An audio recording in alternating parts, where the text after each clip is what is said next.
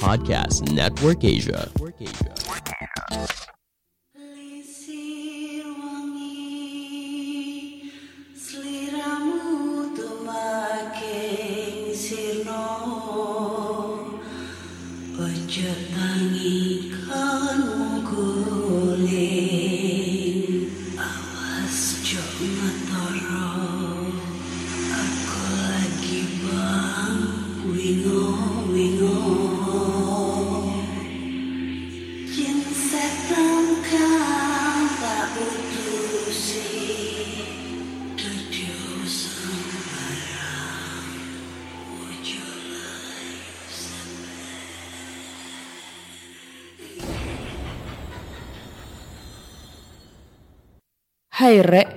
yuk apa kabar Ketemu lagi dengan aku si Ana di podcast kisah horor.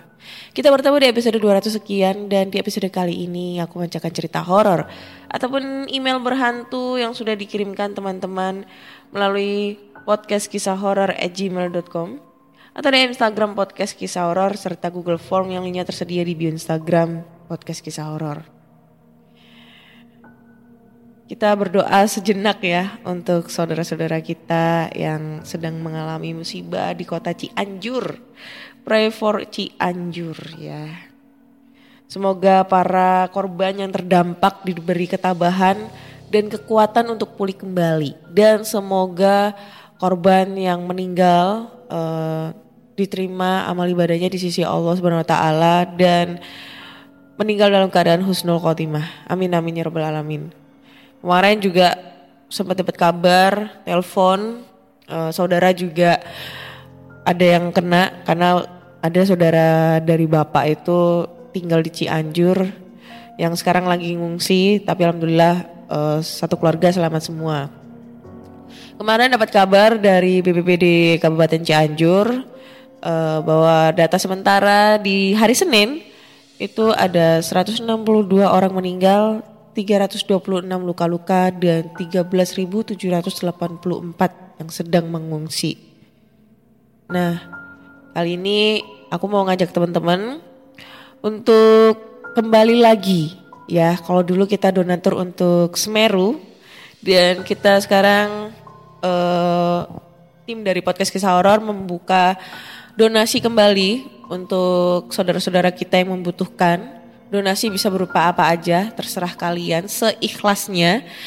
Bisa berupa eh, dana, uang, atau mungkin bisa berupa pakaian-pakaian yang layak pakai, atau mungkin eh, popok, pampers, eh, atau peralatan mandi terserah, atau makanan terserah ya. Karena kebetulan teman-teman aku kan ada yang kerja di BPBD Surabaya juga Jawa Timur jadi nanti kebetulan eh, mereka lagi membuka open donasi. Jadi buat teman-teman PKH yang mau donasi silahkan. Kalian bisa langsung aja eh, klik bio di bio Instagram podcast kisah horor. Di situ ada link tree. Kalian tinggal klik aja link tree-nya. Terus di situ ada opsi pilihan traktir ID kita donasinya lewat traktir ID ya. Karena kemarin mau buka di kita bisa itu agak problem Eh, masih diverifikasi masih belum masih belum verify ya nunggu satu kali 24 jam. Jadi eh, karena ini urgent banget saudara juga di sana udah ngasih tahu kalau di sana juga lagi urgent lagi banyak banget eh, kebutuhan seperti makanan dan pakaian. Jadi kalian bisa langsung aja yang rumahnya daerah Surabaya dan sekitarnya kalian bisa langsung aja hubungin via DM eh, untuk donasi pakaian atau lain-lain. Kalau misalnya mau uang seikhlasnya lah, nggak aku nggak mau nargetkan kalian berapa. Seikhlasnya buat saudara-saudara kita kalian langsung aja eh, di link yang ada di bio Instagram kalian klik aja di situ ada pilihan traktir ID. Nah di situ kalian bisa donasi ya. Untuk yang barang kalian bisa langsung DM nanti aku samperin ke rumah kalian masing-masing atau kita janjian. Semoga eh, donasi dari kalian bisa membantu para korban-korban atau saudara-saudara kita yang sedang membutuhkan. Dan semoga bencana-bencana ini tidak terulang lagi. Karena mengingat biasanya kalau tahun mendekati pergantian tahun itu ya banyak banget bencana-bencana alam eh, yang datang bersusulan. Ya yang kita harapkan semoga tidak ada yang eh, bencana alam susulan atau mungkin tidak ada korban-korban yang harus menderita lagi. Ya, amin amin ya rabbal alamin. Sumpah ini get- mau nangis rasanya ya. Karena di situ juga ada saudara aku yang lagi kena apa musibah kemarin itu, aduh dia kehilangan segalanya sih. Mau rumah udah hancur, habis itu kendaraan-kendaraan, mobil, ya dia nggak bisa nyelamatin barang barang berharga ya. Barang benda dia yang berharga seperti apa pun itu. Uang aja sampai nggak bawa loh mereka. Saking paniknya itu. Paling cuma bawa yang seadanya gitu supaya di saku di celana atau di dompet. Tapi kalau yang barang berharga di lemari supaya mereka bisa bertahan hidup gitu nggak sempet. Nggak tahu jadi tadi pagi tadi subuh sih saudara aku udah telepon. Eh alhamdulillah mereka kondisi sekarang baik-baik aja cuma banyak banget korban luka-luka.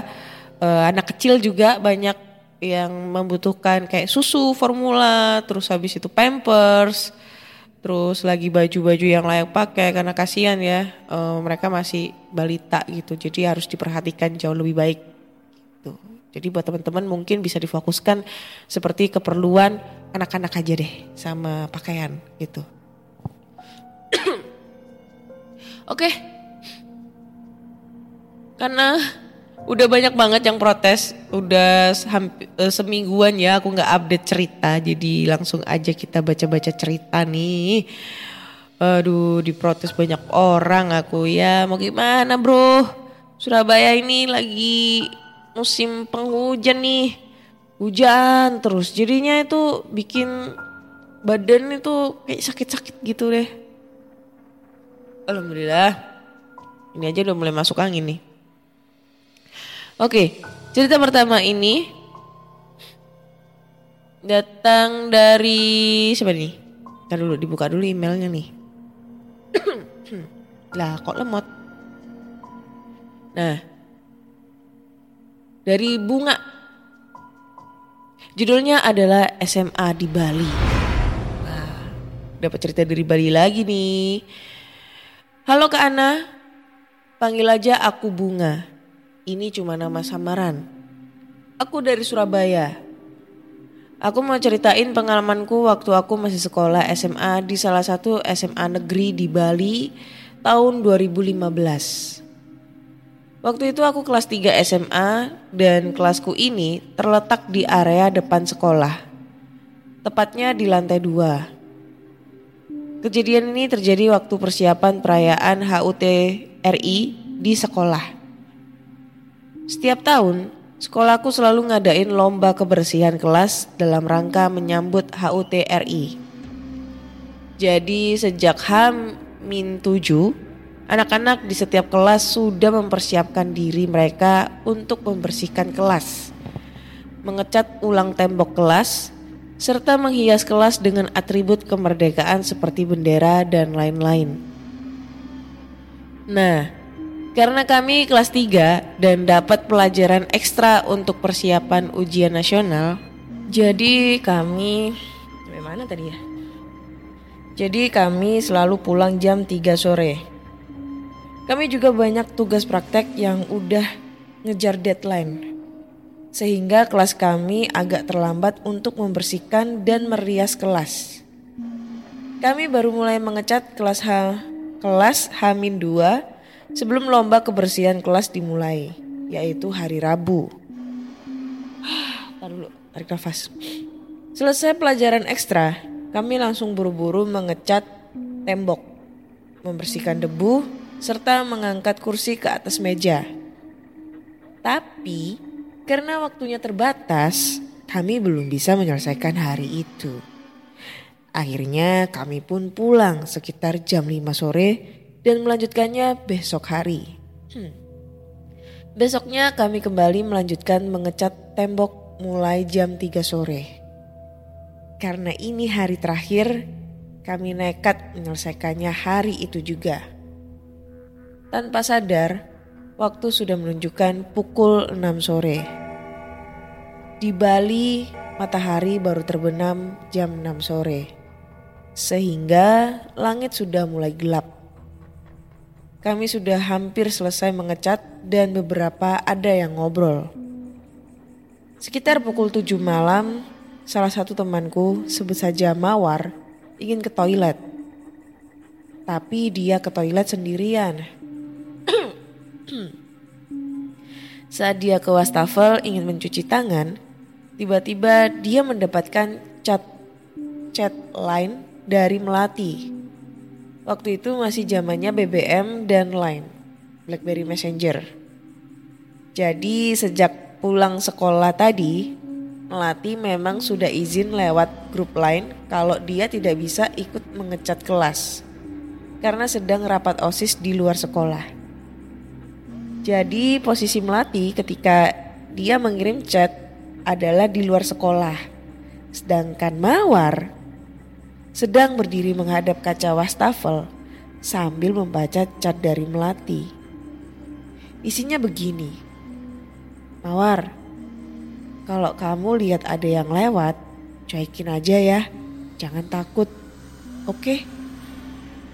Refleks Mawar langsung mendongak ke arah kaca dan benar saja. Dia melihat sosok wanita berbaju putih di kaca. Wanita itu pun tersenyum melalui kaca sambil menatap dalam ke arah Mawar. Dengan panik dia lari menuju kelas dengan wajahnya yang pucat. Kami yang kaget melihat Mawar langsung bertanya apa yang terjadi. Namun belum selesai kami bertanya tiba-tiba pemangku sekolah membunyikan lonceng bel di tangannya sambil melewati beberapa kelas yang masih ada siswanya. Oh iya, pemangku adalah eh pemangku kalau dalam Islam sama seperti ustadz dan pendeta dalam Kristen. Tiba-tiba, pemangku sekolah berhenti di depan kelas kami sambil sedikit meninggikan nada. Udah, udah, pulang. Lanjut besok lagi aja, udah malam. Kami langsung bergegas membersih, membereskan alat-alat kebersihan sambil tetap penasaran dan bertanya pada Mawar.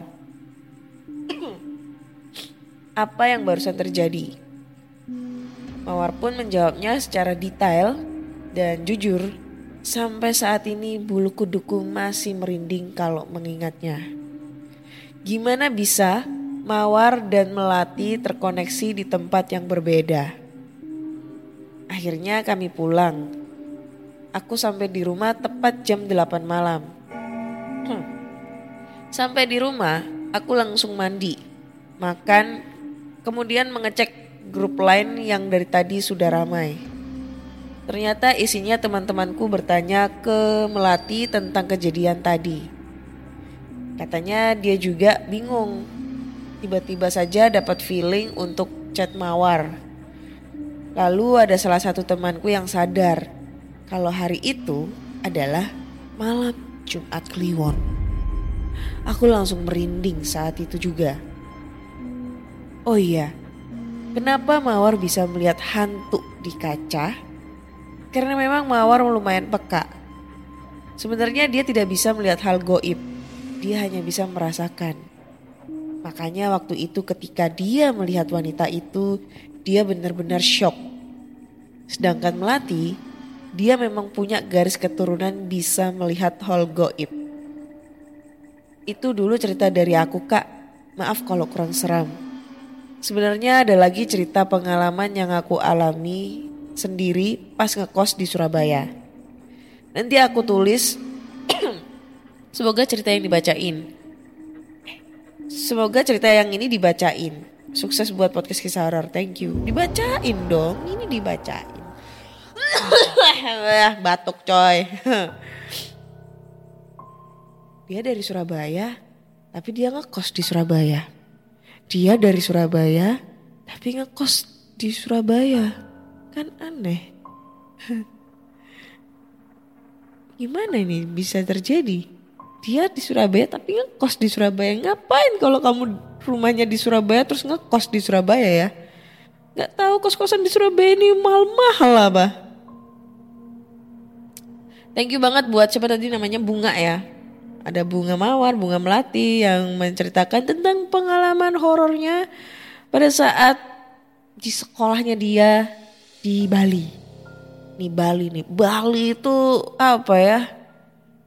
Aku tuh ngefans banget dengan Pulau Dewata itu ya. Selain keindahan eh alamnya di sana, pantai-pantainya, terus segala macem gitu ya. Selain itu juga, iya aku tuh suka banget sama budayanya di sana. Entah kenapa dari kecil itu eh sejak kecil banget itu kan bapakku tuh kan orang Jogja ya.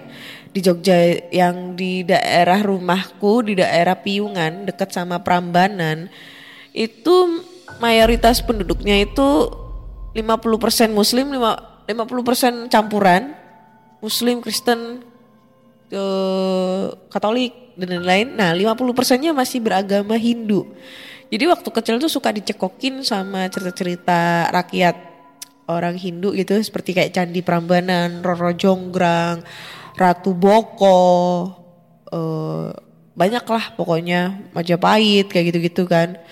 Itu kayak suka banget gitu loh. Terus aku suka nonton calon narang kayak gitu-gitu. Habis itu dulu juga pernah punya mantan orang Bali gitu yang kebetulan dia agamanya Hindu. Jadi tiap tiap malam Jumat atau tiap hari apa gitu nganterin dia sembayang gitu ke pura. Kayak gitu suka suka belajar-belajar gitu. Apalagi suka nonton Little Krishna ya kan di Antep itu udah gak bosen tuh dia ngelawan-ngelawan monster itu ya iblis-iblis jahanam itu. Kayak gitu suka banget sampai sekarang. Tapi kalau misalnya ditanya oh, untuk pindah keyakinan ya enggak dong.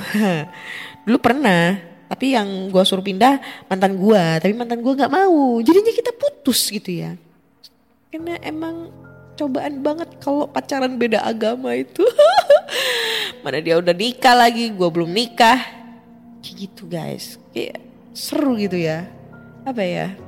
Hmm, kita kayak belajar berbagai macam adat istiadat, terus habis itu eh, sejarah-sejarah tentang dunia apa ya kalau kalau orang-orang Hindu tuh kan masih mempercayai dewa gitu kan. Kalau kita kan ya Allah, Allah dan Nabi Muhammad dan nabi-nabi lainnya kayak gitu-gitu. Oke, next lanjut ke cerita berikutnya nih ya. Cerita berikutnya ini, ya pilek bro. Datang dari email namanya Bang Alfared M. Marpaung ya nggak ada judulnya, jadi langsung aja kita bacakan ceritanya. Jadi kisah ini kisah nyata kak. Pada tahun 2017 saya pergi merantau ke sebuah kota. Di sana saya mendapat kerjaan sebagai tukang tambal ban dan sekaligus tempat tinggal saya juga. Eh, dan sekaligus tempat tinggal saya juga karena belum ada uang untuk menyewa kos-kosan. Aku di sana sering bergaul dengan penduduk di sana, sehingga saya cepat mengetahui situasi kota di sana. Ternyata, tepat di belakang bengkel tersebut ada sebuah perusahaan cat yang masih aktif. Konon katanya di setiap sudut pagar perusahaan itu ada penunggunya. Pada suatu malam, aku pergi ke rumah teman untuk buang suntuk mengendarai sepeda motorku. Tepat di depan gerbang perusahaan cat itu ada seorang perempuan yang berparas cantik dengan bodi semok sedang berdiri sendirian. Sambil memberikan tanda bahwa dia ingin menumpang. Aduh. Sebagai seorang laki-laki normal yang tertarik dengan penampilannya langsung berhenti dan mengizinkan menaiki motorku. Dan saya bertanya kepada cewek tersebut, mau diantar ke mana? Setelah si cewek memberikan keterangan, mau diantar ke suatu tempat. Saya langsung tancap gas.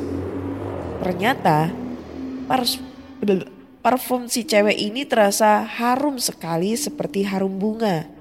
Tapi saya nggak tahu tuh harum bunga apa namanya. Lebih herannya lagi, motor saya tuh kayak kerasa berat banget. Seperti kempes gitu bannya. Saya mengurungkan niat untuk berhenti. Eh, gimana sih? Mengurungkan niatku untuk berhenti di sebuah SPBU sekedar mengecek ban dan apa benar e, ban aku kempes. Langsung meminta si cewek tersebut untuk turun dulu.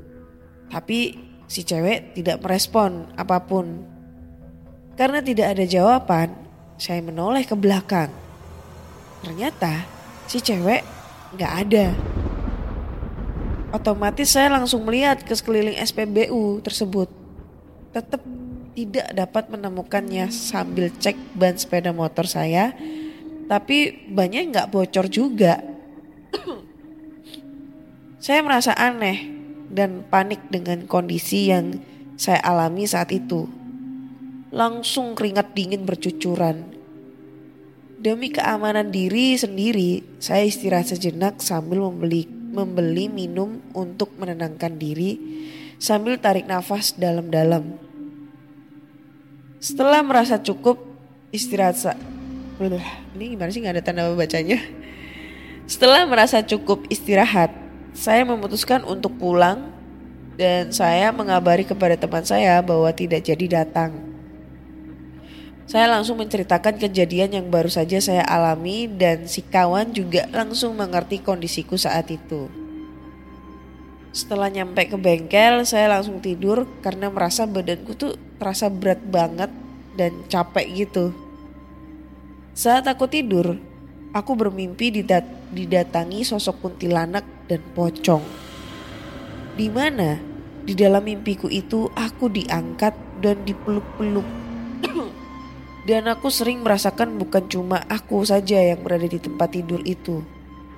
Tapi aku tapi aku cuek aja, tidak mempedulikan itu. Setelah paginya aku bangun, kadang aku sudah pindah tempat tidur gimana sih? Bingung aku, Cuk. Ini mungkin dia maksudnya dia itu uh, dia itu tidur tapi kayak ngerasanya itu dia tuh tidur di ranjang itu gak sendirian ada yang nemenin. Terus paginya dia bangun ternyata dia sudah pindah tempat tidur kayak gitu ya. Ini agak berantakan nih kata-katanya. Setelah saya menepis semua pikiran-pikiran aneh dari kepalaku aku beraktivitas seperti biasanya tidak berapa lama ada tetanggaku datang orang yang sudah lama tinggal di daerah itu Aku menceritakan yang kualami tadi malam dan ternyata itu adalah sosok kuntilanak penunggu daerah itu yang sudah sering mengganggu warga di sana dan pengendara yang lewat. Di malam berikutnya, saya sering mendengarkan suara seperti anak-anak bermain, suara perempuan yang tertawa, dan kadang suara tangisan perempuan. Karena aku penasaran Kadang hanya sekedar mengintip dari lubang dinding, tapi tidak melihat seseorang pun orang di luar. Kadang juga aku sampai keluar untuk melihat langsung, tapi tidak pernah melihat siapa pun dari asal suara itu. Saya langsung mulai takut dan hanya bisa berdoa untuk menenangkan diri. Dan dari situlah kalau aku berjalan di dalam dan di luar bengkel itu, saya sering terbental sendiri, padahal tidak menabrak apa pun. Kadang aku merasa aneh kepada diriku sendiri, karena aku kadang sampai luka-luka kalau jatuh, tapi aku tidak terlalu memikirkan apa yang saya alami. Kadang aku, kadang saya, ya apa sih? Setelah itu aku mulai sering sakit kepala. Badan terasa lemas, tak jelas itu, dan parahnya lagi mata saya bengkak. Nah lo, mari aku, saya ini. Sampai tidak bisa melihat secara bergantian kiri dan kanan. Walaupun saya berobat ke dokter mata, tapi tidak bisa sembuh juga. Dan saya ujungnya tidak bisa kerja lagi karena kondisi saya yang semakin parah. Oke, ceritanya sudah selesai guys. Ini ceritanya agak membingungkan sekali karena kadang dia ngomong aku terus tiba-tiba ganti saya, terus ganti lagi aku, ganti saya gitu ya. Terus tanda bacanya yang tidak ada membuat saya agak sedikit bingung. Ya mungkin eh, dia efek kena penunggu yang kata katanya dia kan ini ya eh, beng bengkelnya itu di belakangnya itu ada pabrik cat dan di setiap pagarnya itu ada penunggunya. Nah itu bisa jadi eh, penunggu di setiap pagarnya itu ya kayak apa ya? Kayak pagar gitu deh. Pa- apa ya? Bukan pagar katulistiwa. Ini loh kayak pagar-pagar pagar goib gitu loh buat mungkin yang satu buat melindungi kalau ada hal-hal negatif. Padahal juga pagarnya dia juga negatif juga tuh ada kuntilanak, ada pocong. Terus ya pokoknya dukun lah yang tahu kayak gitu. Gua nggak tahu. Yang gue tahu itu dulu itu di deket di rumah aku itu mamaku pernah nanam kayak baca-bacaan yang katanya itu pagar goib supaya tidak ada hal-hal yang buruk masuk ke rumah gitu. Tapi pagarnya itu dalam bentuk sisi positif karena itu dapatnya itu dari Pak Yai gitu. Nah kayak gitu kur- kayak gitu kurang lebihnya. Tapi kan yang dia temukan kan yang dia temui adalah sosok kuntilanak tuh yang ditumpanginya lu mata lu jelalatan sih nggak dilihat dulu. Udah tahu kuntilanak nyamar gasak aja disikat aja. Jadinya sakit kan? Aduh. Orang cantik aja masih banyak. Aku juga ada nih kenapa nyari kuntilanak ya kan? Canda. Kayak gitu guys. Jadi dia itu terkena gangguan di situ aja. Sebenarnya sih bisa sembuh. Tapi nggak tahu caranya kayak gimana. Coba tanya sama dukun aja di sana ya toh. Oke deh. Kayaknya cukup sekian dulu di episode 200 sekian ini. Kita membacakan cerita-cerita horor ini. So buat teman-teman semua nih, kalau kalian punya pengalaman-pengalaman horor, kalian bisa langsung aja kirim cerita kalian ke podcast kisah horor at gmail.com ataupun DM Instagram podcast kisah horor serta Google Form yang linknya tersedia di bio Instagram podcast kisah horor. Jangan lupa dengerin podcast kisah horor di Spotify, Google Podcast, Apple Podcast, di noise juga udah eh di noise juga ada di pogo juga ada terus ada lagi yang baru reso reso sekarang udah ngeluarin podcast tuh ya pokoknya jangan lupa di subscribe gitu ya di follow gitu dan dengerin terus. Terus aku juga mau ngingetin lagi kalau buat teman-teman semua yang teman-teman yang ada di Surabaya dan sekitarnya kalau ingin berbagi buat saudara kita yang sedang mengalami eh, musibah yang ada di kota Cianjur berupa barang atau mungkin uang kalian bisa langsung aja kalau misalnya barang nih ya kalau kalian donasi berupa pakaian atau peralatan mandi atau mungkin eh, peralatan untuk bayi kalian bisa langsung aja DM nanti kita bareng-bareng nih eh, buat penyalurannya ke BPBD Kota Jawa Timur Uh, terus kalau misalnya ada yang nyumbang berupa dana, kalian bisa langsung aja mampir ke link tree yang ada di bio Instagram podcast kisah horor. Di situ ada link menuju ke traktir ID. Nah di situ kalian bisa memberikan donasi kalian seikhlasnya. Nantinya donasi dari kalian uh, bakal aku beliin peralatan buat uh, mandi, peralatan untuk bayi karena memang eh, paling di sana yang paling banyak dibutuhkan adalah seperti susu formula, pampers, baju-baju untuk balita dan mungkin makanan-makanan untuk balita seperti kayak biskuit-biskuit bayi atau lain-lain lah kayak gitu-gitu ya. Eh, bantuan dari kalian sangat dibutuhkan buat saudara-saudara kita yang mendapatkan bencana alam. Semoga ini menjadi terakhir, tidak ada bencana-bencana lainnya dan semoga kita semua dilindungi oleh Tuhan yang Maha Esa dan Allah Subhanahu wa taala. Amin amin amin ya rabbal alamin. Terima kasih sudah mendengarkan podcast kisah horor dan sampai jumpa di episode berikutnya. Bye bye.